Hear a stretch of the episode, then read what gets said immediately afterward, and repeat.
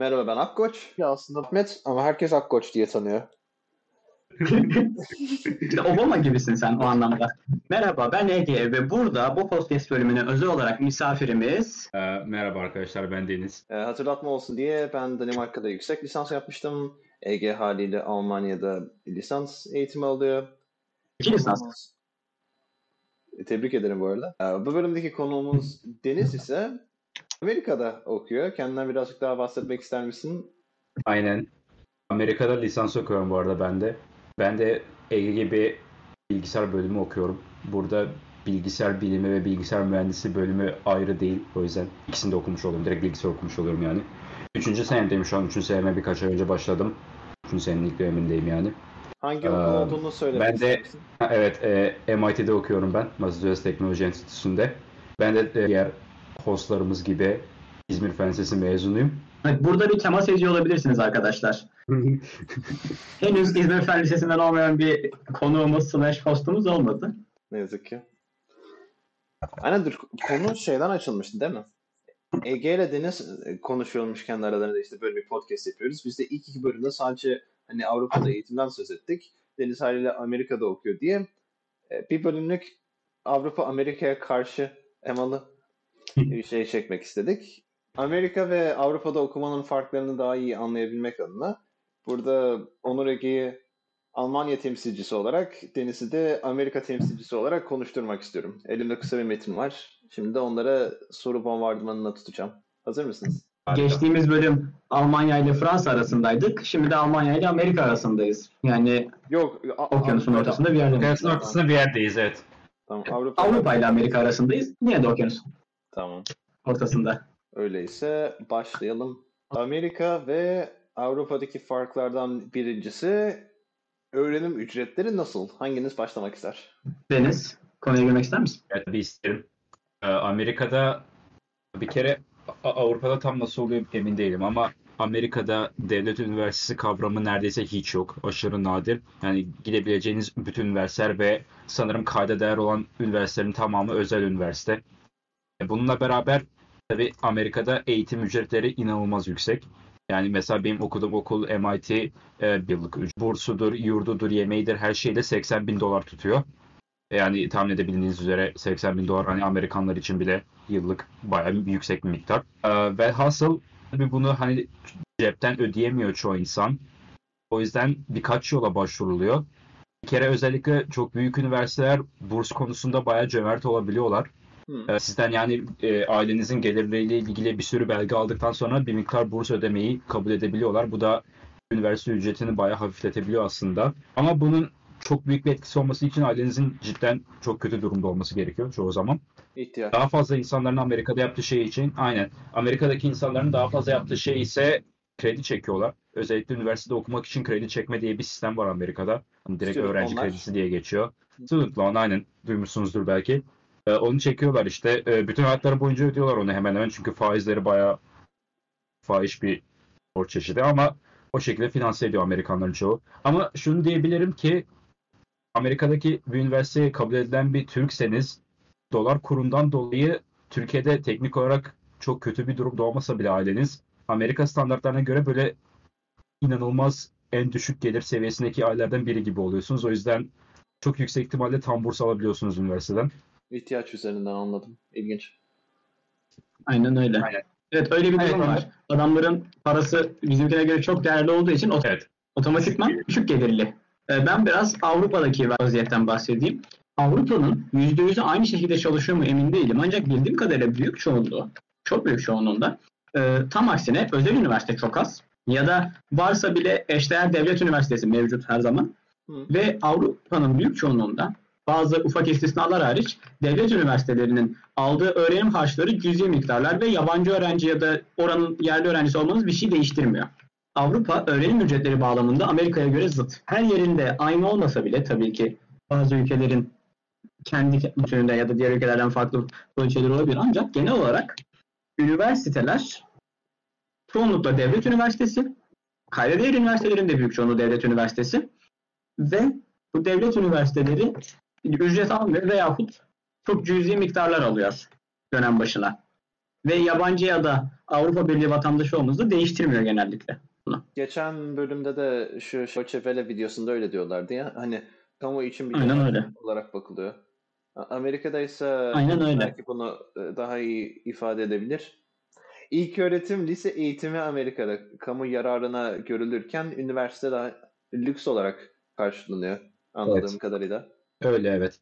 Daha doğrusu artık e, günümüz toplumunda herkes üniversite okumaya çalışıyor Amerika'da ama hani sistemin finansal altyapısı bu gerçekliğe henüz e, ayak uyduramadı gibi. Öyle diyelim. Daha önceki sistem karlı olduğu için muhtemelen geçmek istemiyordur. Aynen. O sistemi değiştirme kuvveti elinde olan insanlar memnundur ya da. Böyle bir şeyler. Tamam. Sanırım Deniz biraz burs olanaklarına girdi. Avrupa'da nasıl fark ediyor Ege? Burs olanakları Avrupa'da biraz daha güç görünüyor açıkçası burs edinmek. Şu ana kadar kendi deneyimlerimden konuşuyorum en azından. Ama sanırım sizin Efe ile yaptığınız araştırmalar ve geçen bölümde konuştuklarımız da aynı şekildeydi. Fransa ile karşılaştırdığımız zaman. Burslar çoğunlukla üstün başarı bursu veyahut bunun gibi şeyler. Evet ya yani ihtiyaç bursu ya da üstün başarı bursu şeklinde veriliyor. O zaman Aynen çok seçici oluyor işte. Ben de kuzey ülkeleri adına örnek verebilirim. E, Kuzey ülkeleri dediğim hani Danimarka, İsveç, Norveç, Finlandiya şeklinde olmak üzere. Bu ülkelerde Avrupa Birliği öğrencileri için genellikle bir ayrım söz konusu. Avrupa Birliği öğrencileri ücretsiz eğitim alabiliyorken Avrupa Birliği dışından gelen öğrenciler ücret ödemeye tabi oluyor. Ki bu AB dışından gelen öğrenciler inanılmaz geniş bir yelpaze. Türkiye, Evet. İran, Mısır gibi Orta Doğu ülkelerinin yanı sıra Çin, Hindistan gibi Asya'nın öbür ucunu ve Amerika, Kanada gibi yine dünyayı da dahil ediyor. Bu AB dışından gelen öğrenciler için burs olanı biraz standartize edilmiş. Her bir bölüm başına 3 ila 5 öğrenciye bir kota ayrılıyor. Hani yurt dışından e, gelenler için. Öğrencileri başarı derecesine göre sıralandırdıkları zaman ilk 3 ya da 5'e bir mektup gönderiyorlar. Hani başarılı bir öğrenci olduğunuz için size burs vermek istiyoruz şeklinde. E, ama onun dışındakiler e, ücrete tabi oluyor. Hani görünmez bir burs sistemi var. Enteresan. Yani başvurmuyorsun. Burs sana geliyor. Evet burs sana geliyor. Şeyi biliyorum Almanya'nın bir tane federal bursu var BAföG diye. Hı. Ee, verdikleri paranın yarısı şibe yarısı da düşük faizli ya da faizsiz bir kredi olacak şekilde. Ancak buna başvurma sürecinde ufak bir e, problemle karşılaştım ben başvuracağım zaman. Almanya'da uzun vadede kalacağınızın bir garantisi olmadığı için size burs veremiyoruz gibi bir cümle aldım. Ya ilginç. Enteresan değil mi? Tahminimce o burstan faydalanabilmek için buranın vatandaşı veyahut kalıcı oturma izni, çalışma gibi kalıcılık ibarelerine sahip olmak gerekiyormuş. Ancak şöyle bir sıkıntı var ki ben burada şunu düşündüm. Bursa ihtiyacınız varsa eğer muhtemelen oku- okuyorsunuzdur. Ve yurt dışından geliyorsanız okuduğunuz sürece kalıcı oturma izni ve vatandaşlık alamazsınız. Çünkü uzun bir süreç o. O zaman yurt dışından geliyorsanız bu bursu alamıyorsunuz. Genel olarak. Yani, Eğer bana söyledikleri şekildeyse, bana bir garezleri yoksa ve sistem o şekilde işliyorsa evet, gerçekten Komik bir durum. e, Komik bir durum. öyle. Yani burslar var ama erişmesi Amerika'ya göre daha zor. Bunun bir nevi şeye de dayalı olduğunu düşünüyorum. Ya Deniz'in dediği gibi Amerika'da ticarileşmiş bir sistem olduğu için burslar da bir şekilde hani pazarlanıyor. Ama orada da şu var. Amerika'da anladığım kadarıyla burs olmadan okumak için hani bursun zorunluluğu farklı yanlış anlamadıysam. Sanki. Burs için talep ya tabii ki her zaman burs için talep vardır ama Tamam toparlayacak bir cümle koyayım o zaman. Doğru anladıysam Amerika adına dedik ki üniversitelerin büyük çoğunluğu özel üniversite olduğu için ücretler daha yüksek oluyor. Avrupa'da ise zıttı. Çoğu devlet üniversitesi olduğu için ücretler daha düşük oluyor ya da ücretsiz oluyor. Buna karşılık da burs sistemleri de aynı şekilde etkilenmiş. Amerika'da eğitim masrafları yüksek olduğu için karmaşık burs ağları var. Çok farklı kaynaklardan burs temin edilebiliyor. Öğrenci kredileri benzer bir şekilde. Avrupa geneli için ise üniversiteler çoğunlukla devletselleştiği için Avrupa Birliği içerisinde öğrenciler için olanaklar varken Avrupa Birliği dışarısından gelen öğrenciler için e, genellikle daha kısıtlı e, burs olanakları oluyor dedik. Daha kompetitif. Aynen öyle. Peki o zaman ben başka bir, bir soruyu soracağım. Kabul süreci. e, Sizin tecrübelerinizden Amerika ya da Avrupa'ya başvurmak nasıl bir süreçti? Kabul olmak için sağlamanız gereken şartlar makul müydü? Beklentiler aşırı mı yüksek? Kabul aldığınızı nereden öğreniyordunuz? Vesaire. Aklınıza ne geliyorsa onu merak ediyorum şu an. Hani e, Türkiye'den çıkan bir öğrenci olarak benim Amerika'dan kabul almam mı daha kolay, Avrupa'dan mı? Sanırım okuldan okula değişiyor olmakla beraber Avrupa'da oranı daha yüksek gibi görünüyor. Şimdi oranın daha yüksek olması sadece kabul alma prosesinin başarı oranının yüksek olmasıyla mı yoksa e, dediğimiz diğer faktörlerle de mi ilgili bilemiyorum ama sanki böyle. Ama şey konusunda muhtemelen ortak bir durum var. E, Bol bol evrak işi gerekiyor. Kağıt, Evet. Kağıt, kağıt. Bitmeyen bir evrak yığını. Evrak demişken bunu da özellikle Deniz'e yöneltiyorum. Ee, SAT, ACT, AP Aynen. sınavları. Yani sadece evrak da değil, e, belge alman gerekiyor. Sonuç alman gerekiyor değil mi? Amerika e, başvuruları için. Ve aynen Amer- Amerika'daki üniversite başvuruları çok karmaşık. Çok fazla çünkü faktöre bakıyorlar aynı zamanda. Kere evet sınavlar var. Sınavların kendi içinde bir sürü çeşitleri var alabileceğin. Onları hani çok uzun uzun anlatabilirim. Ama hani sınavlar belki de başvurun sadece çeyreği falan diyebilirim. Çok fazla şey var yapmanız gereken. Ben nasıl diyeyim? Sınavlardan başlayayım o zaman. Bir kere öncelikle hani bizim Türkiye'deki üniversite sınavıyla benzer bir mantıkta olan ya SAT ya da ACT'di galiba diğeri. O ikisinden birisini alıyorsunuz. Onlar da işte bir İngilizce bir de matematik kısmından oluşuyorlar galiba. Bir de ACT'de galiba fen bilimleri kısmı oluyordu. SAT'de Ee, fen bilimleri de var. Bu AP kimya, AP fizik gibi şeyler orada sanırım. AP, A- AP'ler ayrı bir şey. Ee, neyse Ayrı e, ayrı bir şey onlar. Aynen. O, o şöyle oluyor. Ya, Türkiye'deki YKS'den çok daha kolay oluyor bu sınavlar açıkçası. Hem konu olarak hem de yani gerçekten sorulan sorular şey olmuyor ama hani buna karşılık olarak da dediğim gibi sınavlarda iyi yapmak kesinlikle yetmiyor sadece. Eğer yurt dışından başvuran bir öğrenciyseniz tabii ki İngilizcenizi de kanıtlamanızı bekliyorlar. Bu çok yüksek oranda ya TOEFL'a gireceksiniz ya da IELTS'e gireceksiniz anlamına geliyor. Bayağı iyi skorlar bekliyorlar. Yani üniversite üniversite değişiyor tabii. Ha bu arada şey de ekleyeyim. Ee, kesinlikle standartize bir kabul süreci yok. Her üniversite kendi belirliyor ne istediğini, neye önem verdiğini. O yüzden hiç böyle bütün üniversiteler için şunu yapın diyemeyeceğim. Çok e, komiğime giden bir konu. Çünkü Amerika özellikle sınav sisteminin standartize olduğunu hani vurgulamayı seven bir ülke. Ama buna rağmen her okul e, standartize sınavları bireysel bir şekilde değerlendiriyor değil mi? Evet tabii. Yani bazı üniversiteler vardır ki hani o sınava çok az önem verirler. Hatta belki istemezler bile onun notunu. Önemsemiyoruz derler. Ve çoğu üniversite hani ortada bir yerde önemsiyorlar. Bazıları sadece ona bakıyor belki. Değişebilir yani. Dediğim gibi İngilizce için TOEFL ya da IELTS bekliyorlar. AP sınavları var Ege'nin bahsettiği. AP sınavları şöyle. Lisede alabileceğin üniversite düzeyi dersler gibi oluyor onlar. Onların sınavları oluyor. Hani bir nevi henüz lisedeyken üniversite seviyesindeki dersleri alabildiğini kanıtlıyorsun gibi oluyorsun. Yani ben üniversiteye geçtiğim zaman bu seviyedeki dersleri alırken zorlanmayacağım ya da en azından hani o ders mantığını anlayabiliyorum, yapabiliyorum anlamına geliyor. Onlar da ayrıca baktıkları bir sınavlar. Ama üniversite sınavı değil onlar. Biraz farklı bir şey onlar.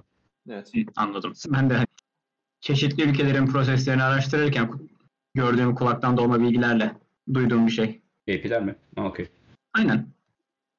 Okey. Ee, çevremizde ve alanlardan. sınavlardan öte bir tane de genellikle çok önemli olan bir faktör çoğu üniversitede. Ee, sizin kişiliğinizi, hayat hikayenizi vesaire öğrenmek istiyor üniversiteler çoğunlukla. Ve bunu yapmak için çok, e, genellikle ya size bir yazı yazdırıyorlar diyecektim. Şu yeni çıkan Spider-Verse filminde de vardı değil mi? İşte e, Miles Morales annesi babası oturmuş bekliyor çocuğu. Bir eğitim danışmanından hani hayat hikayesi için metin aldırıyorlardı. Aynen öyle. Aynen öyle. Aynen yani kendi hayat hikayeni böyle kendi pazarlayacak şekilde yazabilmeni bekliyorlar. Etkili bir şekilde yazabilmeni bekliyorlar. Onun dışında lisedeki öğretmenlerinden referans almanı istiyorlar. Mesela bu Türkiye'de sanırım hiç olmayan bir şey bildiğim kadarıyla. Bizde Yani gerçekten, evet. var. Lisede değil. Hı. Aynen. Lise öğretmenlerden referans istiyorlar. Başka ne yapıyorlardı? Bunlar da sanırım yani bir referans istiyorlar. Bir de kendi yazı yazmanı istiyorlar ama buna gerçekten çoğu üniversite çok önem veriyor. Zaten Niyet mektubu. Niyet mektubu değil hayır. Mesela örnek bir soru şey olabilir. Şimdi diyeceksiniz üniversiteye ne alakası var? Mesela boş zamanlarınızda eğlenmek için ne yapıyorsunuz? 400 kelimede yazın diyebiliyorlar mesela. Olduğu gibi röportaj. Enteresan. Örne öyle örnek bir soru o şekilde mesela. Yani buna Enteresan. verdiğiniz cevabı çok önem verebiliyorlar. Burslarından zaten bahsetmiştik. Bir tane noktaya daha değinmek istiyorum. Okulun kendi bursundan bahs. Amerika'daki çoğu üniversite çoğu da yabancı öğrenciler burs istedikleri zaman e, kabul edilme olasılıklarını çok düşürüyor.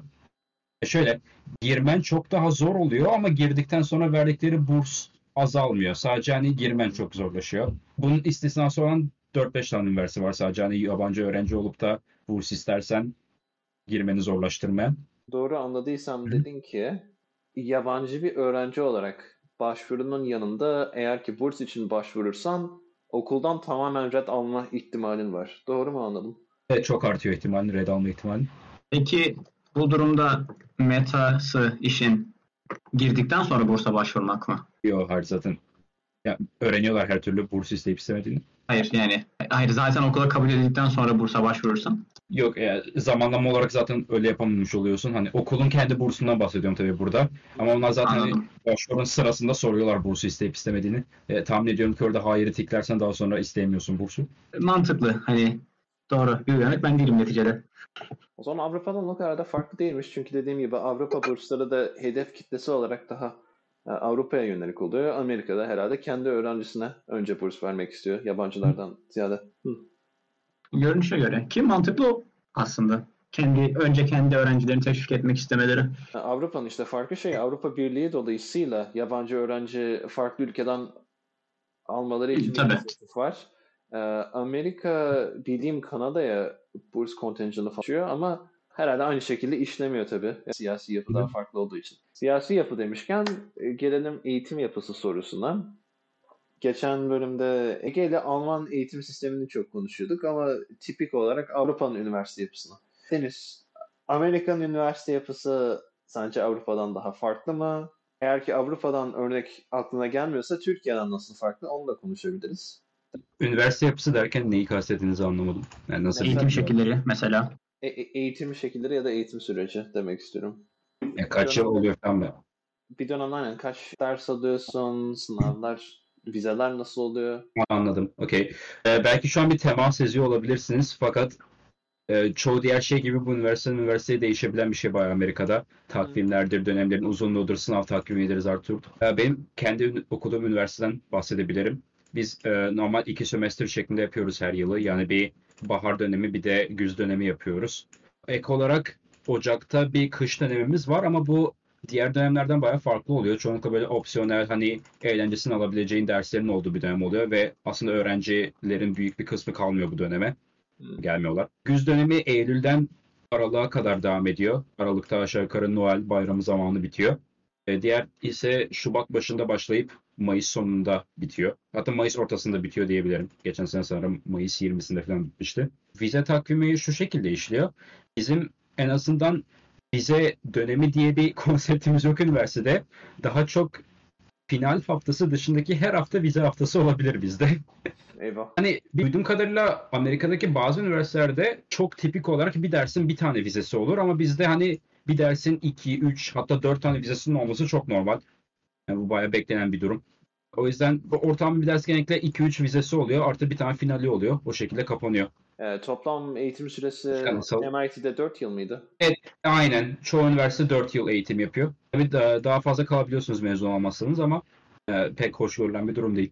Freshman, sophomore, Hı. junior, e, senior diye gidiyordu aynen. 4 yıl isimleri var hepsinin. Ee, ilk yıl freshman, ikinci yıl sophomore, üçüncü yıl junior, sonuncu yıl ise senior diye geçiyor. Belki filmlerde falan bu isimleri duymuşsunuzdur daha önce. Liselerde de aynı e, isimler var 4 yıl için. Ha şey soracağım. Evet. Peki e, dersler sırasında gördüğünüz eğitim nasıl? Hani gelip konuyu anlatıp gidiyorlar mı? Etkileşim yapabiliyor musunuz? Ya da sınıf boyutları nasıl? Kalabalıksınızdır diye tahmin ediyorum. Tahmin ediyorum ki Avrupa'da çok farklı değil ama Amerika'daki üniversitelerde şöyle bir durum var. Aldıkları hocaları, profesörleri e, eğitim kabiliyetleri için almıyorlar hiçbir zaman. E, Ya, ne kadar öyle. iyi araştırma yaptıklarını, nasıl böyle prestijli ödül alabilen makaleler yayınladıklarına göre alıyorlar. Dolayısıyla böyle insanlar hani eğitim verebilme güçleri çok değişkenlik gösterebiliyor. Yani senin aldığın derste iyi öğreten bir hoca da gelebilir, kötü gelen bir öğretmen de gelebilir. Bu aldığın derslere çok göre çok değişiyor. Yani bazı dersin hocası aşırı iyi oluyor. Çok eğitim odaklı oluyorlar. Mantıklı. Hani ben de galiba sadece MIT adına değil ama birçok okul adına genel olarak bu şikayeti duyuyorum. Ee, çok akıllı insanlar ders öğretemiyor şeklinde. Aynı zamanda eğitim kalitesi anladığım kadarıyla sophomore freshman senelerinde birazcık daha düşük olabiliyormuş. Ee, genellikle daha hani yeni başlamış acemi hocaların anlattığı giriş dersleri olduğu için. Yani ben öyle bir örüntü sezmedim. Ben yani şu ana kadar 3 sene okudum. 3. senemi okuyorum ve her sene hemen hemen aynı dağılımı görebiliyorum hoca kalitesinde. Böyle bir şey yani çok şey yapmadım. Ki ayrıca bizde böyle freshman dersi ya da sophomore dersi gibi kavramlar yok yani. Bayağı her seneden insan görebiliyorsun hemen her dersi. Enteresan. Peki yani. O zaman ben orada bir şey sormak istiyorum. Mesela her sene önerilen bir ders sıralaması ya da seçimi var mı? Mesela şu bölümü okumak istiyorsanız şu, Var şu dersleri yani- öneririz gibi. Aynen aynen hani derslerin prerequisite'leri oluyor ki o da hani şey demek bu dersi almadan önce Hı hı. şu dersi alman gerekiyor ki bunlar bayağı uzun zincirler şeklinde olabiliyorlar. Ee, Bir dersin birden fazla prereq olabiliyor. O yüzden iki zincirin falan ucunda olabiliyor. Dolayısıyla evet bazı dersler için hani daha sonraki yıllarında alacağını ima edebiliyor. Ama e, benim üniversitemde ve belki bazı diğer Amerikan üniversitelerinde eğer sen okula gelmeden önce bu konularla bir tecrüben varsa, bilgin varsa çok atlamana izin verebiliyorlar dersleri. Hı. Özellikle bizim üniversitede bayağı oluyor hani böyle çeşitli alanlarda çok üniversite düzeyinde ileri seviyede bilgisi olan geldiği zaman. O yüzden hani mesela ben şu an bir tane algoritma dersi alıyorum. Ben bayağı tipik bir zamanda alıyorum. Üçüncü senemde alıyorum. Ama mesela iyi tanıdığım var. O da ilk senesinin ilk döneminde almıştı. Ki normalde bu dersi almadan önce alman gereken iki tane ders var. Yani düşündüğün zaman en az hani üçüncü semestrinde alman gerekiyor o mantığa göre. Ama olabiliyor öyle şeyler. Peki şunu sormak istiyorum. Ege Kabasakalıoğlu'nun algoritma dersine ihtiyacı var mı? Hayır ama bu en ileri atlayabildiği algoritma dersiydi. Hani diğerlerinin Ha. atlamasına izin verdiler, buna izin vermediler. Akkoç Ege Kabasakalıoğlu şey bu arada. Bizde mi yaşıt? Yok bizden küçük galiba. İkinci senesinde şu an. Vay be. Ee, bizim bir alt dönem bilgisayar olimpiyatçısı. Ay madalyası var mıydı hatırlamıyorum ama. Var evet. Bu ayrıca aynen. Cool. Enteresan. Ama ben kendi üniversitemde en azından şunu gördüm. Prerequisite zincirleri o kadar uzun değil. Şu ana kadar benim gördüğüm en uzun prerequisite zinciri bu dersi almadan önce bir önceki dersi alın. Yani X1, X2 dersi varsa X2'yi almadan önce genellikle X1 almanız gerekiyor da genellikle. Evet. Anlık olarak Bizde de İkincisini almadan bir mezun olmadan mezun olmadan sonra aldıkları en ileri seviye dersler genellikle hani bir zincirin dördüncü dersi falan olmuş oluyor. Hmm. anladım. Türkiye'de çok Bizim- değişiyor. Hani ne Avrupa ne Amerika konuşuyorum. Şu an Türkiye'de gözlemlemiş oldum. Hani prereq daha çok ön koşul diye geçiyor herhalde. Zincirler oluyor aynı şekilde hani uzun ya da işte bu dersi almadan şunun girişine onun devamını alman gerekiyor şeklinde. Fakat önerilen eğitim programları mesela sadece bir iki tane seçmeli derse yer veriyor. Öğrencilerden de mecburen zaten ön koşulları tamamlaya tamamlaya e, mezun oluyorlar. MIT'de ama anladığım kadarıyla gayet serbestmişsiniz. Almanya'da da işte Karlsruhe tekniklere farklı bir şekilde serbestsiniz. Dersler birbirine çok bağımlı olmadığı için farklı şekilde özelleşebiliyorsunuz öyle mi? Şöyle izah edeyim. Bizim Türkiye'deki üniversiteler biraz daha yüksek lise gibi işliyor sanki öğrenim sıralaması ve sistemi açısından. Çünkü hani alacağın dersler belli az çok. Az seçmeli ders se- seçeneğiniz az. Hani mesela bizim KIT'de derslerin prerequisiteleri şimdi kavramsal ve bilgisel olarak prerequisite olsa bile zorunlu değil. O ders almadan bir sonrakini alabiliyorsunuz. Ben şu an ikincisini almadığım bir dersin üçüncüsünü alıyorum mesela. Ve bazı bölümler, matematik bölümünden örnek vermek istiyorum. Üçüncü dönemden sonra tamamen seçmeli ders. E, bu seçmeli derslerden 30 LP'lik her dönem seçeceksiniz şeklinde. LP işte ECTS derslerin bağlı zorluğunun bir ölçeği seçeceksiniz şeklinde birçok seçmeli ders açık bırakmışlar. Bu bağlamda serbestiz. Kredi güzel bir nokta. Amerika Aynen. kredisi çok değişiyor mu? E, Benim tek bildiğim hani Avrupa'da e, lisans eğitimi yaklaşık 3 sene olduğu için 3 senelik kredi biriktirmen gerekiyor. Herhalde Amerika'da da 180. 4 sene kadar değil mi? Aynen. Ya yalnız şöyle bir noktaya değinmek istiyorum. Sanırım Amerika'daki çoğu üniversitenin kullandığı bir kredi sistemi var. Bildiğim kadarıyla MIT farklı bir kredi sistemi kullanıyor. Dolayısıyla hani çoğu diğer üniversitede hani bu ders 3 kredi 4 kredi dediklerinde ne demek istediklerini çok bir anlam ifade etmiyor benim için. Çok anlayamıyorum yani. Bizde standart bir dönemlik bir ders 12 kredi diye geçiyor. Ortalama bir ders düşünün o 12 kredi diye geçiyor. Enteresan. Bizim ölçeğimiz ECTS. Sanırım Avrupa'da yaygın kullanılan bir ölçek. Ama o bence hani mutlak bir ölçüm sistemi değil çünkü hani objektif olarak daha zor olan derslerimiz var aynı krediye. Ki çok fazla var. Ve bizde sanırım şey diye bir beklenti var. Hani eğer aşağı yukarı 100 bölümünde 180 kredi alırsam, bölüm dışı da zorunlu derslerin oluyor. Bölümünde 180 kredi alırsam o mezun olmuş olman için yeterli olması bekleniyor. Ki işte 12'ye bölürsen kaç ediyor? 15. Yani 15 ders alırsan bölümünde mezun olabilirsin diye bekliyorlar. Bölüm dışı da muhtemelen bir 10 ders falan alman gerekiyor belki. 25 tane ders oluyor o zaman değil mi? Hani evet minimum bir dönem başına 3-4 ders alırsan mezun olabilmeni bekliyorlar özetle. Bizim de benzer bir şey. 180 krediyle mezun oluyorsun bölümünden. Bizim bölüm dışı çok fazla zorunlu dersimiz yok. Onu fark ettim şu an. Sizde nasıl? Bölüm dışından ders almak çok daha yaygın Avrupa'ya göre. Bir kere bizde zorunlu olan dersler var. Bir kere e, science requirement'ımız var yani bilim gereksinim. Böyle herkesin bilmesini istedikleri bir bilim dersleri var. Bu iki tane fizik, iki tane matematik, bir biyoloji, bir tane de kimya dersi oluyor. Temel Onları almak zorundasın her türlü. Ya da atlamak için sınavlarına gireceksin evet. Bir de 8 tane sözel ders almanı bekliyorlar. Anladığım kadarıyla bunu zorunlu kılmadıkları zaman bizim okulda kimse sözel ders almadığı için zorunlu kılmışlar. Ortalama dönemden bir tane sözel ders almanı bekliyorlar. Sözelci hocalar iş yapsın diye herhalde. Aynen. derken hani birazcık daha açabilir misin? Hani HAS diye geçiyor. HAS'ta işte Humanities, Arts, Social Sciences yani ne, ne denir? Humanities'in Türkçesini bilmiyorum. Beşeri bilimler e, diye En- geçiyor. Beşeri Beşeri bilimler. bilimler, aynen. Sanat bir de sosyal bilimler. O alanlardan dersler diye geçiyor hani sözel dersler dediğim. Buna Yani az çok- gibi tiyatrodur, müziktir, ekonomi mesela bunlardan biri sayılıyor. E, felsefe, o tarz şeyler. Tiyatro. Yani az çok Türkiye'de bizim sözel ders anlayışımıza tekabül ediyor. Hı. Evet, öyle diyebilirim. Ve Türkiye'ye sanırım daha yakın sizin sistem o arada. İşte orada şey bağlamında. Türkiye'de de okulların ilk senesi genellikle ortak bilim dersleriyle ge- sözel derslerle geçiyor ya. Benim bildiğim zaten Türkiye'deki üniversiteler bir noktaya kadar Amerika üniversitelerini model almışlar diye biliyorum. O yüzden bir, biraz benzerlikler var. E, doğru yani şey Türkiye'de de ortalama eğitim süresi 4 sene. Hazırlık yoksa, hazırlıksa 5.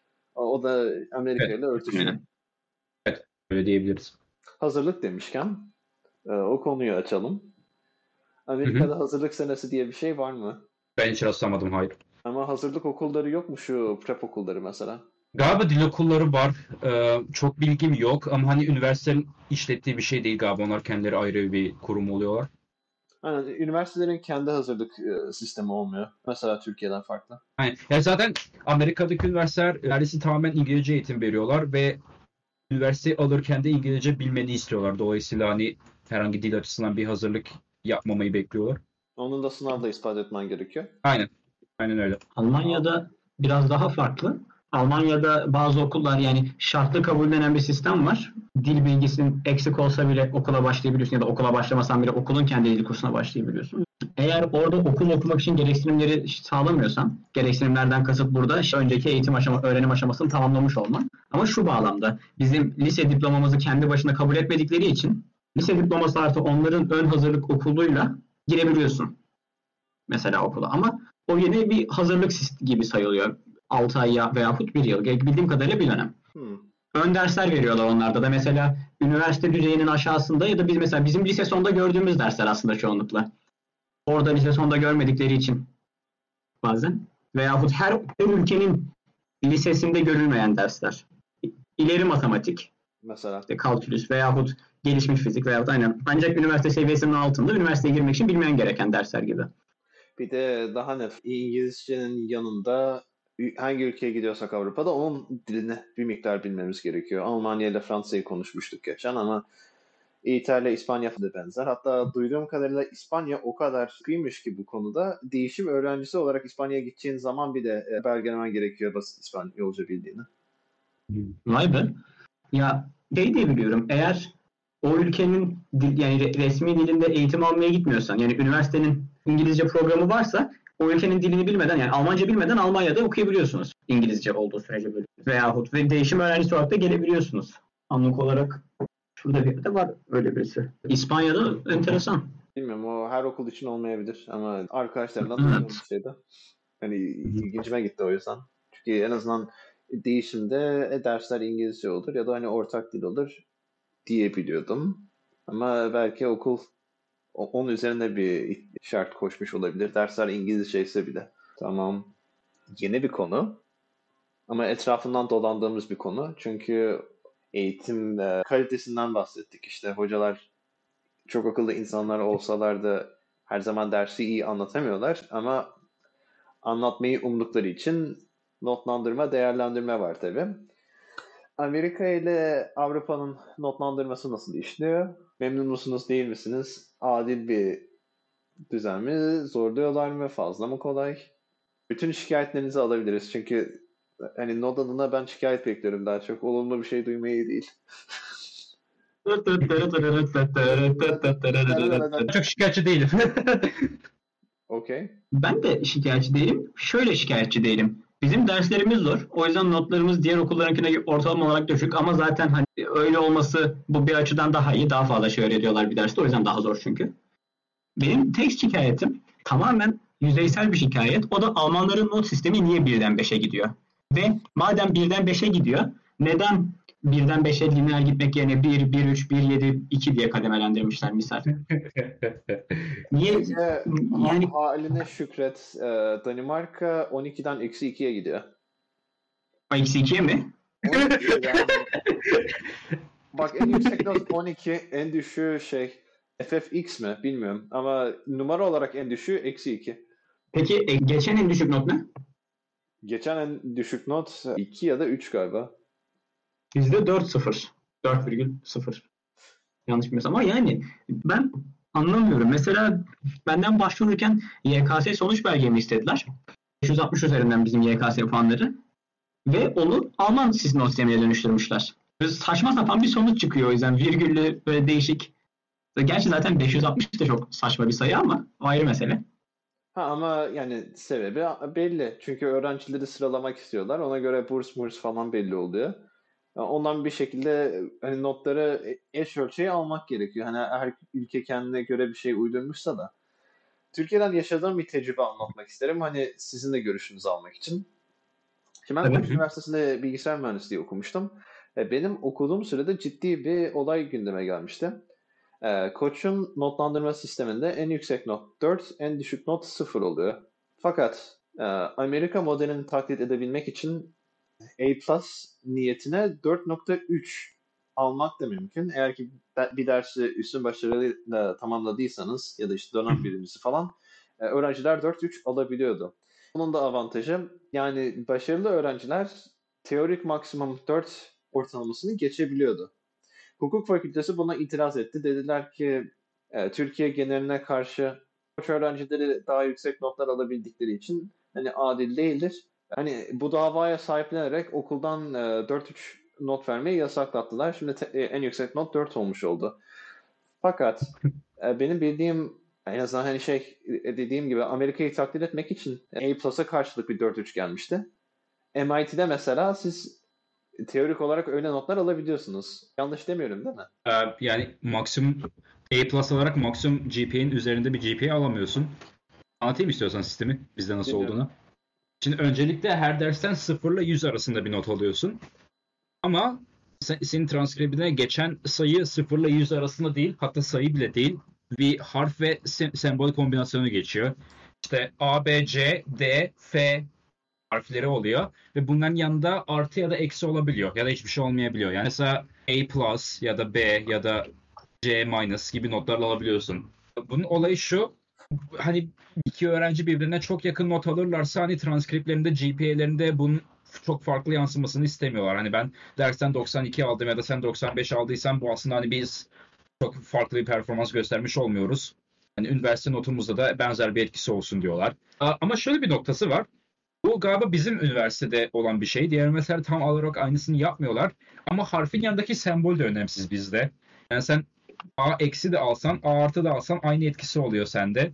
Dolayısıyla güzel gözüksün diye duruyor sadece. Yoksa mezun olma notuna hiçbir etkisi yok onun. E, Peki yarın öbür gün hani mezun olduğun zaman işe başvururken ortalama soruyorlar. Yüksek lisans düşünüyorsan ortalama soruyorlar. Evet. De- de- dediğine göre hani şey sembol fark etmiyor.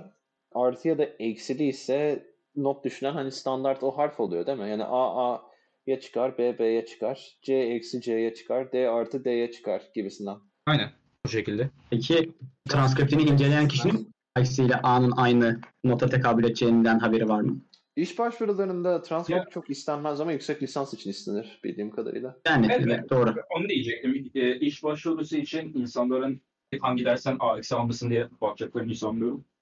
Öyle bir fikir iletiliyor ya sürekli. Yani hayır. Çünkü ben onu çok duyuyordum Türkiye'de.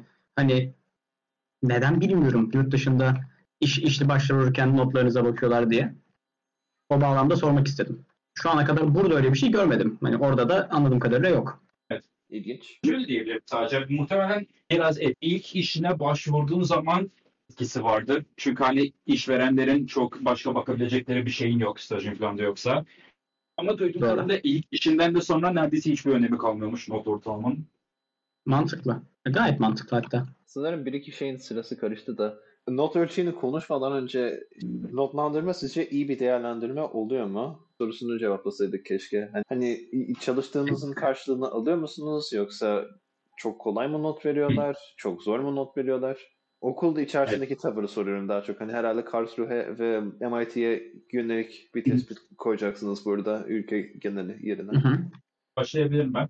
Ee, Biz yine Amerika'daki çoğu üniversiteye kıyasla zor bir üniversite diye geçiyoruz bu açıdan. Not almak zor hani. E, muhtemelen hani benzer seviyedeki bir dersten A almak için çoğu üniversiteye göre daha fazla çalışman bekleniyor. Ama ben şikayetçi değilim. Ben şu ana kadar hemen hemen aldığım tüm derslerde hani iyi çalıştığımda iyi al- aldığımı düşünüyorum. Hani iyi çalışıp kötü bir not aldığım hiç olmadı henüz. O açıdan memnun olmadığımı söyleyemem. Ee, Ben de Deniz'le benzer fikirdeyim. AYT de aynı şekilde ders yoğunluğu açısından az önce de söylediğim gibi Almanya geneline göre daha zor bir üniversite olarak görülüyor. Yani genel olarak bizim derslerimiz zor ama e, yine de notların adil olduğunu düşünüyorum. Ben hani e, aldığım notları bilek gücüyle aldım, alınıyor diyebilirim. Yani alırken zorlanıyorsunuz ve zorlandığınızı hissediyorsunuz. Ama eforunuzun nota yansıdığını da hissediyorsunuz. Öyle söyleyeyim. Yani adaletsiz bir not sistemi olduğunu düşünmüyorum ben burada. Hocasını sevmiyor gidip de düşük bir not basacak hali yoktur herhalde. Yok hoca zaten senin kim olduğunu bilmiyor. Sözel sınav çok oluyor mu? He MIT'de he e, Karlsruhe'de. Sözel sınava ben hiç rastlamadım diyecektim. Bizde şey eğer iki defa bir sınavda bir dersten kalırsanız üçüncü defasında sözlü yazın, sözlü sınava tabi tutuyorsunuz. Üçüncü defasında sözlüden kalırsanız okuldan atıyorlar. Bizde öyle bir şey yok. Biraz hızlı bir- demek için bir sözlü bir sunum yapmanı istiyorlar ama hani yok yani çok nadir. Ama onun haricinde zaten hani sınavınız okunurken hoca sevmedi bana buradan puan vermemiş gibi bir şey yapıldığını görürseniz de şikayet edebiliyorsunuz. Çünkü işte sınav kağıdı inceleme süreci var. Anladım. Yani kendi kağıdınıza. Sın- Kağıt olmasa bile artık teslim ettiğiniz sınavın formatı neyse. Peki peki peki. O zaman lisansınızı bitirdiniz. Önünüzde iki yol var. Ya iş sahibi olacaksınız ya da yüksek lisansa devam edeceksiniz. Amerika ve Avrupa'daki yüksek lisans birbirinden nasıl farklı? Amerika'da yüksek lisans ve doktora kelimeleri farklı anlamlara gelmiyor bildiğim kadarıyla. Sizden duyduğum kadarıyla farklı şeyler galiba sizde. Evet. Lisanstan hemen sonra yüksek lisans yapıyorsun. Yüksek lisans şey lisansla az çok aynı işliyor. Sadece daha dar bir alanda daha derine iniyorsun. Yani mesela bilgisayar lisansı üzerine yapay zeka üzerine yüksek lisans yapıyorsun ama yine de derslere girip sınav veriyorsun. Bizde en azından doktora süreci daha çok şey araştırma içeriyor. Asistan öğretim görevliliği veyahut araştırma veyahut makale yazma gibi şeyler içeriyor bizim okulda en azından. Anladım. Peki bu bahsettiklerin kaçar sene sürüyor? Yüksek lisans bizde iki sene. Doktora belirsiz ancak uzun sürüyor.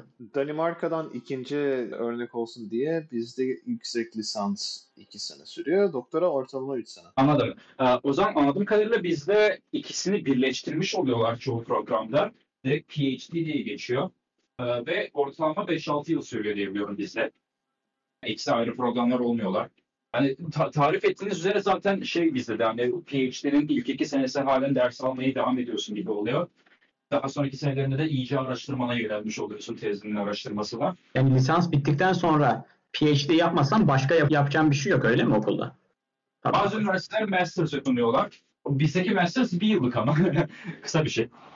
Kısa bir şey. Sanki Onur Ege ile aslında bunu konuşuyorduk biz geçenlerde. Karlsruhe'de Master ile PhD bir arada yapabiliyormuşsun diye. Hı hı. O zaman MIT'de Master ile PhD değil. lisansla ma- master'ı bir arada yapabiliyorsun. Lisansının son senesinde master'dan bazı dersleri almaya başlayabiliyorsun. Master ile PhD'yi aynı anda yapabildiğine dair bir bilgim yok. Yapılıyorsa da ben bilmiyorum. Tamam. Aynen. Ama geçen sanki ben öyle mi demişim ya? Öyle dediysen bir düzeltme beyanında bulunmak istiyorum. Öyle değil. Belki bu konuda aşırı bilgili olmamamdan da anlayabilirsiniz. Ben şahsen e, yüksek lisans yapmayı düşünmüyorum. Tabii. Ama mesela Cornell Üniversitesi'nde. bir arkadaşım var. O da joint diyordu. Hani master'la PhD'sini aynı anda yapıyormuş şeklinde. Ama Deniz'in tarif ettiğinden pek farklı değil. Sadece hani PhD yapmaya erken başlamış gibi oluyormuş. Sorumluluk açısından işte araştırma yapıyorsun, ders veriyorsun. Aynen öyle. İki dakika Türkiye'den e, parantez açmak istediğim bir nokta.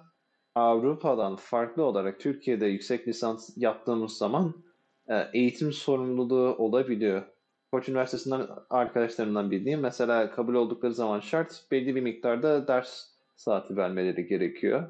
E, Buna karşılık Danimarka'da yüksek lisans öğrencilerinin eğitim sorumluluğu yok. Ancak asistanlık yapacağım şeklinde iş başvurusu oluyor. Ona başvuranlar maaşlı olarak ders veriyor. O, o çok iyi, ilgincime gitmişti yani. Enteresan. Yani anladım. Bizim okulda da benzer bir proses var. Derslere tutorial ver, veriyorsun.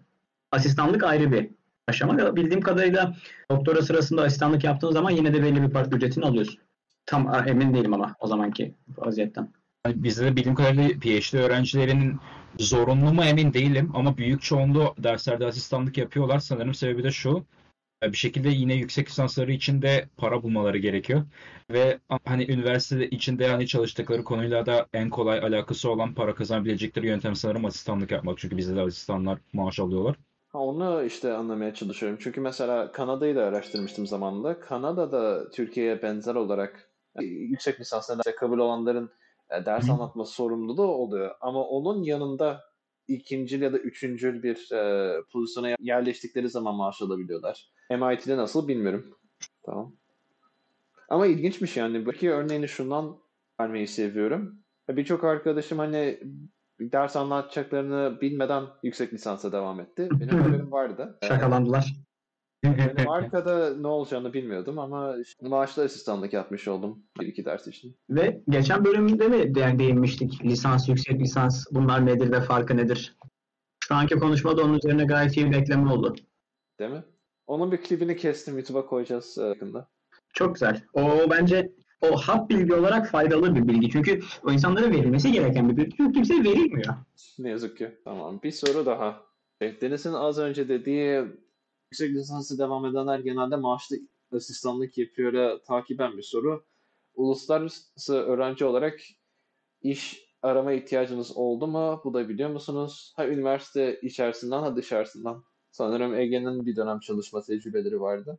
Bazı misadventure'larım olmuştu. Üniversite içinde yabancı öğrencilerin iş bulması kolay. Üniversite dışında iş bulmaları zor.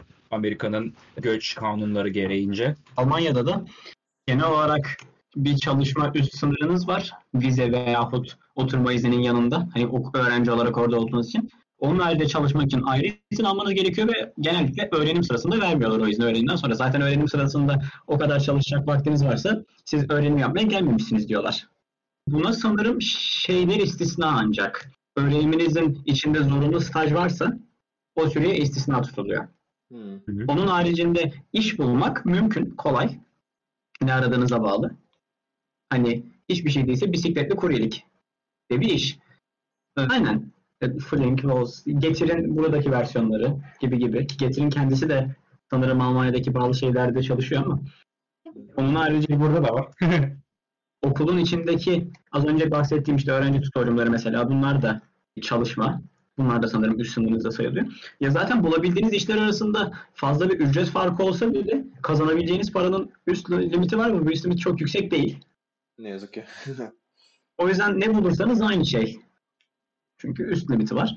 Daha doğrusu şöyle söyleyeyim. Kazanabileceğiniz max gelir düşük olduğu için iş bulmanız kolay.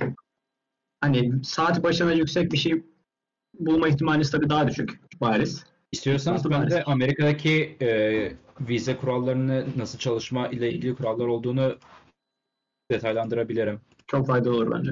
Tamamdır. E, şöyle diyeyim o zaman. Amerika'da bir kere üniversite okumak için alabileceğiniz birkaç tane vize var. Ancak bunların en yaygını F1 vizesi. Yani büyük çoğunlukla Amerika'da lisans okumaya geleceksiniz F1 vizesi alacaksınız. Bendeki vize de o. Ee, Vizenin kuralları şöyle. Alabileceğiniz e, öncelikle farklı kategoriler var. Üniversitenin içinde çalışma hakkı tanıyor bu vize. Fakat saat limiti var. Haftada 20 saat kadar çalışmanızı müsaade ediyorlar sadece sanırım. Benzer. Ama maaş sınırı yok. Dolayısıyla 20 saat çalışıp yüksek maaşlı bir şey yapabiliyorsunuz üniversitede. Mesela asistanlık yapmak aslında e, kötü bir miktar maaş vermiyor. Üstünde e, staj için bir olanağı var. CPT hakkı diye geçiyor. Curricular Practical Training diye. O da bölümünüzle alakası olan bir iş yerinde bir rolde staj yapmanıza müsaade ediyor. Okul zamanı dışında yani yazın ya da kışın. E, bu da bildiğim kadarıyla maksimum bir yıllık izin veriyorlar. Evet. Şirketin de ama buna göre pozisyon açması lazım. Hani gidip de şey e, Microsoft'ta Tabii. yapacağım diyemezsin. Ha. Senin geçen yıl Aynen yaptığın bu muydu Deniz? Yani bunu yaptım ben. Bunun maksimum bir yıllık hakkın oluyor ya da mezun olman. Hangisi daha önce geliyorsa. Sonuncusu da OPT Training diye geçiyor. Op- Optional Practical Training. O da mezun olduktan sonra 2 yıl okuduğun bölümde tecrübe kazanman için direkt Amerika'da normal iş yapmana izin veriyorlar. Staj. Ee, stajyerlik değil yok direkt normal işini yapmış oluyorsun 2 yıl. Bunun da koşulları tabii dediğim gibi okuduğun bölümle bir ilgisi olması lazım yaptığın işin. Ee, ve sanırım o önceki bahsettiğim staj hakkının tamamını kullanmamış olman lazım. Yani onun bir yıllık limiti vardı. Sen o bir yıllık limiti bitirirsen mezun olduktan sonra çalışamıyorsun. İlginç. Enteresan. Peki ne kadarını kullanmamış bir yıllık- olman lazım? Bir yıllık limitini e, bitirmek çok zor. Çünkü okul zamanı dışında yapabilirsin diyorlar. E, okul zamanı sadece yazın var. Mezun olmadan önce 3 tane yazın var. Bir yıl etmiyorlar. 9 ay diyorlar. Kış arasında falan sıkıştırabiliyor musun? Aynen. Gerçi arada yok ki zaman. Çok zorlarsan bence bir yılı bitirebilirsin ama zor gibi. Ama faydalı da değil. Hani daha önemlisi. Görüşe göre. Evet. Şunu da ekleyebilirim. Sayısal bir bölüm okursan STEM bölümü diye geçiyor. O mezun olduktan sonraki çalışabildiğin süre bir yıl artıyor. Artı aldığın her diploma başına da tekrardan yenileniyor. Yani sen onun üzerine master yaptın tekrar iki yıl kazanmış oluyorsun. Yüksek lisans yaptın tekrar iki yıl kazanmış oluyorsun. Amerika'da da iş bulunuyor ama çok daha denetimli o zaman. Evet. Ve eklenti var. O kalmak istiyorsan Amerika'da o iki yıllık süre içerisinde iş yerinin sponsoruyla da oturma izni ve ardından green card alman bekleniyor. Hmm. Onun da üstüne şey, sistem özellikle hani üniversite için çalış şeklinde teşvik ediyor. O şekilde uluslararası öğrenci aldıkları zaman iş gücünü Yok de... hayır. Ama az önce söylememiş miydin? Hani üniversite stajı için F1 e, ayrı bir imkan tanıyor, tanıyor diye. Aynen üniversitenin içinde çalışmaya devam edebiliyorsun mezun olana kadar orada bir sıkıntı yok. Mezun olduktan sonrasından bahsediyorum ben. Ha onu diyorum ben de işte. Mezun olduktan sonra üniversite içinde çalışmana müsaade etmiyor. O, o şekilde değil. Ya, henüz okurken bir gelir boyunca. olabilmesi için o. Evet. Aynen. Pekala. O zaman yeni bir madde. Kültürel deneyimler nasıl oluyor? Bu soruyu ilk Deniz'le başlatmak istiyorum. Kusura bakma Ege. Mesela şey, Boston sokaklarında robotlar falan geziyor diye duyuyorum insanlardan. Şey. Hani dedikleri kadar var mı yoksa kendine gelecekte yaşıyor hissediyor musun MIT ya da civarında yürürken? Amerika kültürünü seviyorum şu ana kadar bayağı beğendim. Mezun olduktan sonra evet burada yaşadığımı hayal edebiliyorum kendimi. Değişik bir kültürü var. Bence aslında şöyle diyebilirim. Amerika içerisinde belki aklınıza gelebilecek her türlü insanı bulunduran bir ülke. Bu hani gerek millet olsun gerek farklı diğer özellikler olsun. Ge- genel bir Amerika kültürü var tabii ki ama istediğiniz size yakın hissedebildiğiniz neredeyse her türlü alt kültürü de bulabiliyorsunuz Amerika'da. Dolayısıyla hani hiçbir zaman bir yabancılık çekebileceğinizi düşünmüyorum açıkçası. Aslında Boston Amerika'nın en Avrupa'ya benzeyen şehri diye geçiyor. Bu hem şehir planlaması hem yerel kültürü açısından çok Avrupa'dan esinlenmiş bir kültürü var gerçekten. Boston robot şeyini sanırım şeye hitaben dedin. Boston Dynamics ünlü bir şirket Boston'daki. Evet. Ben de şahsen yolda hiç robot görmedim. Ama evet e, Boston Amerika içerisinde çok büyük bir teknoloji ve yüksek eğitim merkezi diyebiliriz. Dolayısıyla e, yerel nüfusu da çok eğitimli. Tabii bununla beraber gelen bir yüksek yaşam maliyeti var ama yani her yerinde bir kötü yanı var. Hmm.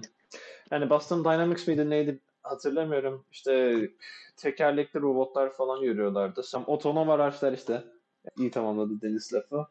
Ee, ya Karlsruhe ve civarı Ege? Şöyle söyleyeyim.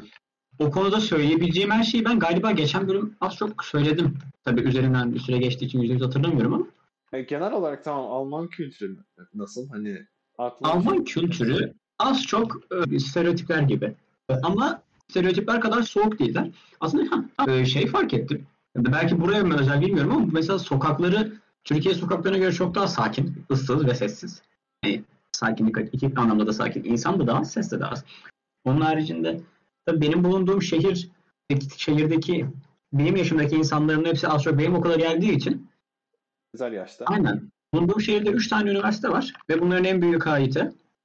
Yanlış bilmiyorsam. Tabii ben KIT'de olduğum için en sık kitlesini gördüm de KIT'de. KIT'de diğer okullar biraz daha şehir dışında çünkü. O yüzden benim çevremde gördüğüm kendi yaş grubundaki insanların çok büyük bir çoğunluğu benim okulumda oluyor. Ee, ve KIT içinde vakit geçirebilecek çok fazla yer var. Geniş yeşil alanlar veyahut işte kendi e, kültür aktiviteleri, tiya, kendi tiyatrosu gibi gibi şeyler olduğu için hani benim gördüğüm kadarıyla öğrenciler oralarda takılıyor. Okulun kafeteryası veyahut okulda çok sık bir etkinlik dönüyor. Özellikle okulun başladığı ve e, tatil yaptığı zamanlar ama dönem içinde de sık sık öğrenciler tarafından çeşitli etkinlikler döndürülüyor. Katılabiliyor musun? Katılabiliyor muyum? O biraz o anki şeye bağlı, iş yüküme bağlı. Örneğin Halloween partisine katıldım ancak herhangi bir kostümüm yoktu. Ama seneye kesinlikle bir şey ayarlayacağım ya da geçen Deniz senle konuştuğumuz gibi bayağı önceden ayarlayıp bir kenara saklayacağım. Evet.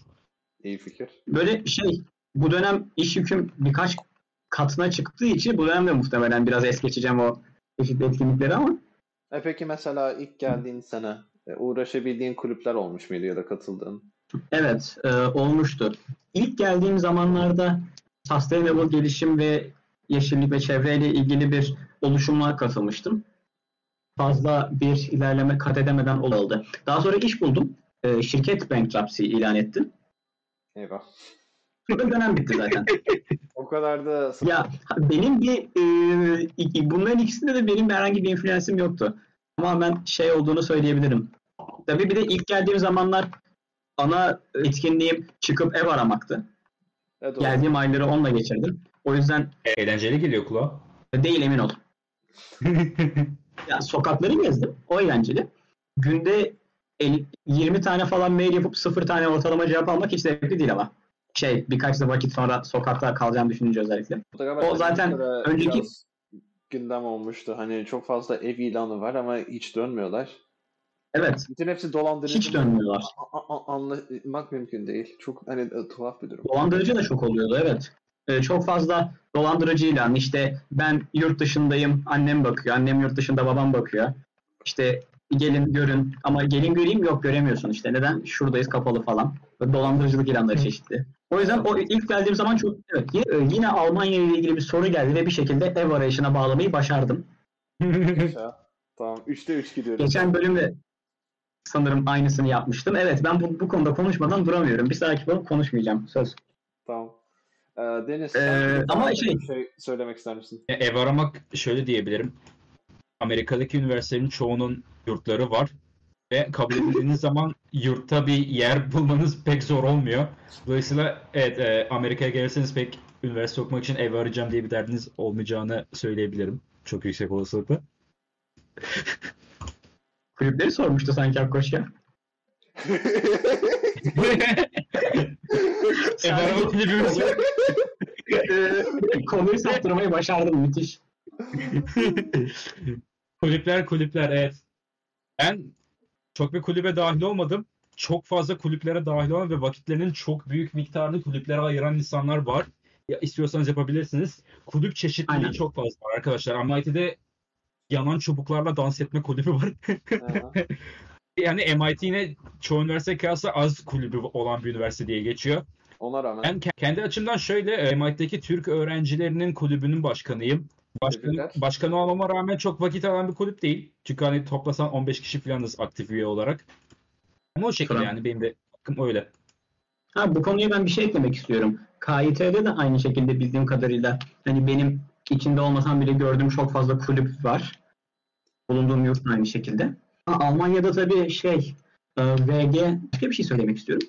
Almanya'da okullarda bir öğrenci konseyi Ahşap diye geçiyor burada çok aktif ve öğrenciler tarafından çok yani çok fazla öğrenci yer alıyor içinde ve iş yapıyorlar. Ve sürekli bir şeyler organize ediyorlar. Burada kulüp haricinde öğrenci konseyleri de okulların çok aktif ve öğrenci konseyleri tabii öğrencilerden oluşuyor adı üstünde. Ki bu bu aslında öğrenci konseyi fikri medya olarak sa- sanki toplu bilincimizde olan ama kişi olarak görmediğimiz için inandırıcı gelmeyen bir şey değil mi? Çünkü hani ülkede Evet. o kadar ki. Ben mi yanlış biliyorum? Buralarda çok aktif. Sürekli bir şeyler organize ediyorlar. Almanya'ya benzer Danimarka'da da öğrenci meclisleri e, gayet etkin. E, sadece laf olsun diye değil, yani gerçekten okulda değişikliklere sebep olabiliyorlar. Aynen öyle. Bizim e, Kopenhag IT Üniversitesi'ndeki öğrenci meclisi mesela, öğrencilerin çok fazla sınav süresi olduğu diye öğrencilerin alması gereken minimum ders saatini düşürdü. E, aynı şekilde e, anksiyete ya da dikkat bozukluğu olan öğrenciler için izin alarak sınavlarını ek süre talep etmeleri için yardımcı oluyorlar. Yani Aynen. gerçekten şey, e, en azından Danimarka adına söyleyebileceğim burada öğrenci meclisleri öğrencilerin ihtiyaçları ve isteklerini koruyabilen birer güç oluyor. Öyleyse son bir soruyla bu konuyu kapayalım. Memnun musunuz? Mutlu musunuz? Amerika'da ya da Almanya'da olmaktan. Kesinlikle. Yani Amerika'da olmaktan memnun değilim. Çünkü Çünkü sen orada değilim ama Almanya'da. Çünkü Almanya'dayım. Ama Almanya'da olmaktan memnunum. Deniz Amerika'da pardon Almanya'da bak. Ee, Amerika'da olmaktan kesinlikle memnunum. Amerika'da olmayınca hatta depresyona giriyorum. Öyle. Seviyorum Amerika'yı. Yani e, buradaki hayattan, e, eğitim hayatından, üniversite hayatından bayağı memnunum, bayağı mutluyum. E, tatmin edici bir sistem olduğunu düşünüyorum buradaki eğitim hayatının. Öyle diyeyim. Gündelik hayatım, yaptığım işleri seviyorum. E, Ben de Almanya'da olmaktan kesinlikle memnunum. Tatmin edici, hoşuma gidiyor burası, burası. Alıştım. Seviyorum yani. Burada eğitim görmeyi de seviyorum. Burada genel olarak bulunmayı da seviyorum. E, yaşam şekli, dokusu, hissiyatı açısından. Tabii hepsi kelimelere dökebileceğim şeyler değil bunlar. Yani burada özellikle bulunmayı seviyorum diyebilirim. Aynı ben de katılıyorum. Sanırım orayı neden sevdiğimi kelimelere dökmek bayağı zor ama iyi hissettiriyor evet. Aynen öyle. Peki nasıl bir şey? Hani farklılığın mı güzelliği yoksa aradığınız bir şeyi mi bulmuştunuz? Kelimelere dökmek çok zor dediğim gibi ama hani bir hayatımdan e, tatmin olma hissi içerisindeyim diyebilirim. Aynen öyle. Ben de size katılıyorum. Aradığımız bir şey mi bulmuştuk? Aradığı, neyi aradığımızı bulduk. Ya da aradığımı buldum. Daha doğrusu neyi aradığımı buldum. Daha önce de konuşmuştuk galiba bunu. Sanki. Evet, evet. Evet. geçmiş olsun. Tamam. Eee Denizciğim e, konuğumuz olduğun için çok teşekkür ederiz. Ben teşekkür ederim. Çok e, memnun oldum. Çok teşekkür için. Tamam dahil etmek aynen. Ha, senin podcast'imize dahil etmek e, sevindirdi. Güzel oldu.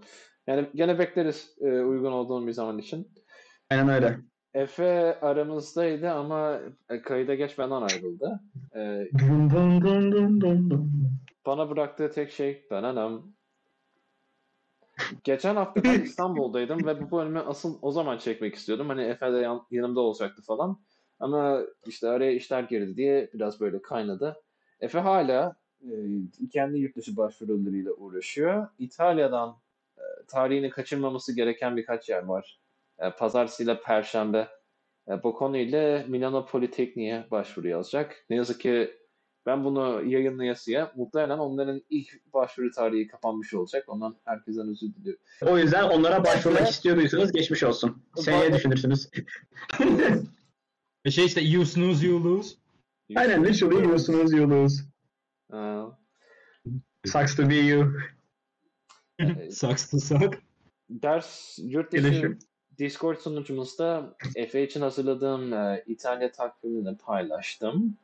Aynı şekilde şu an İtalya'da okumayı düşünen ya da İtalya'da okula başvurmaya düşünen arkadaşlarımız da buradan takip edebilir. Hangi okulun başvurusu ne zaman açılıyor, ne zaman kapanıyor şeklinde.